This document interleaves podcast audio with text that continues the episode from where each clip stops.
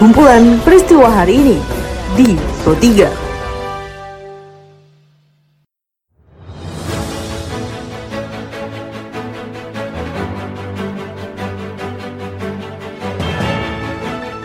pendengar, saat ini Anda sedang mendengarkan kumpulan peristiwa Pro 3. Pada podcast ini saya akan mengulas terkait isu-isu aktual yang saat ini masih hangat juga ramai diperbincangkan di sekitar kita.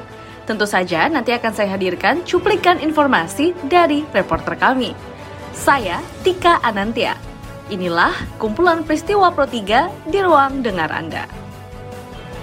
Pendengar sebelum masuk ke dalam beberapa isu aktual yang akan saya hadirkan sesaat lagi, saya ingin mengundang Anda terlebih dahulu untuk mampir dan follow sosial media kami di @rri Programa 3 di Instagram, Twitter, juga Facebook Anda. Apabila Anda ingin berita yang lebih aktual lagi, Anda bisa mengunjungi laman berita kami di rri.co.id. Baiklah pendengar, inilah kumpulan peristiwa Pro 3 selengkapnya. Pendengar Menteri Perdagangan Muhammad Lutfi menargetkan ekspor Indonesia di tahun 2021 mencapai sebesar 6,3 persen. Program vaksinasi dan implementasi Undang-Undang Cipta Kerja menurutnya menjadi faktor yang dapat menentukan tercapai atau tidaknya target ekspor tersebut. Diliput reporter kami Magdalena Krisnawati berikut pernyataan dari Muhammad Lutfi. Tentunya banyak sekali faktor yang akan mempengaruhi. Dan yang pertama adalah tentunya uh, suksesnya daripada vaksinasi bukan hanya di Indonesia tetapi di mitra dagang kita terbesar. Dan kemudian yang kita tunggu-tunggu juga adalah akselerasi atau hasil daripada uh, reform reformasi uh, terutama yang dikeluarkan oleh Undang-Undang Cipta Kerja. Kita uh, merasa bahwa kita bisa yakin tumbuh 6,3 persen dan tentunya ini adalah bagian-bagian yang kita ingin ke depan kita ingin mengejut otomotif dan spare partsnya ini untuk negara tujuan baru yaitu ke RRT, Brasil, dan Myanmar uh, kami merasa bahwa ini adalah bagian yang baik yang kita bisa uh, tumbuh dan kita bisa uh, penetrasi dengan baik. Pemerintah Provinsi DKI Jakarta pendengar ini melakukan sejumlah mitigasi bencana untuk mengantisipasi potensi bencana saat musim penghujan di ibu kota.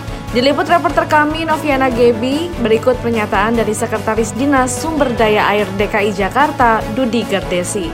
Kita ada lima program, satu adalah gerbek lumpur, kedua adalah kita coba membuat drainase vertikal yang cukup banyak, kemudian melakukan pemeliharaan pompa sehingga infrastruktur pengendali banjir kita lebih prima, kemudian penanganan banjirop melalui kerjasama dengan pemerintah pusat di NCICD, lalu adalah pengelolaan sistem polder. Komisi Pemberantasan Korupsi KPK membuka peluang menjerat mantan Menteri Kelautan dan Perikanan Edi Prabowo dengan pasal tindak pidana pencucian uang atau TPPU dalam kasus dugaan suap.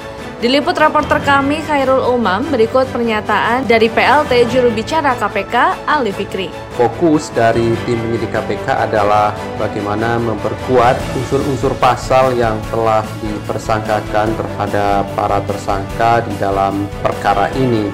Namun demikian, di dalam perjalanan proses penyidikan tersebut tidak menutup kemungkinan akan juga dapat diterapkan pasal-pasal lain misalnya terkait dengan tindak pidana pencucian uang. TPPU ini akan diterapkan apabila memang ada bukti permulaan yang cukup. Kita beralih ke informasi lainnya, pendengar. Lima pegawai Dinas Pekerja Umum dan Perumahan Rakyat PUPR Kabupaten Simulu dijebloskan ke penjara karena terkait kasus korupsi proyek pemeliharaan jalan dan jembatan Dinas PUPR, khususnya pada tahun anggaran 2017. Diliput reporter kami Munjir Permana, berikut pernyataan dari Kepala Kejaksaan RI Simule, Muhammad Ansar Wahyudin. Penyimpangan pemeliharaan jalan dan jembatan pada Dinas PUPR Kabupaten Semelu yang bersumber dari dana ABBK Kabupaten Semelu tahun anggaran 2017. Tidak sesuai spek atau bagaimana? Uh, tidak sesuai spek. Ini satu paket atau dipecah-pecah paket apa? Di beberapa macam. Dipecah-pecah ya, paket apa? Beberapa macam kegiatan ada sitaan barang gitu? Uh, yang jelas uang sebesar 1,4 M dan beberapa dokumen yang mendukung itu semuanya. Setelah mendengar informasi tadi sekaligus mengakhiri perjumpaan kita pada podcast edisi hari ini. Anda masih bisa tentunya mendengarkan podcast edisi hari ini di Spotify dengan hanya mengetik Pro3 RRI di kolom pencarian Anda. Saya Tika Anantia beserta tim editor kami Karisma Rizky undur diri. Sampai jumpa. Jalanan ibu kota DKI Jakarta masih Kumpulan peristiwa hari ini di Pro 3.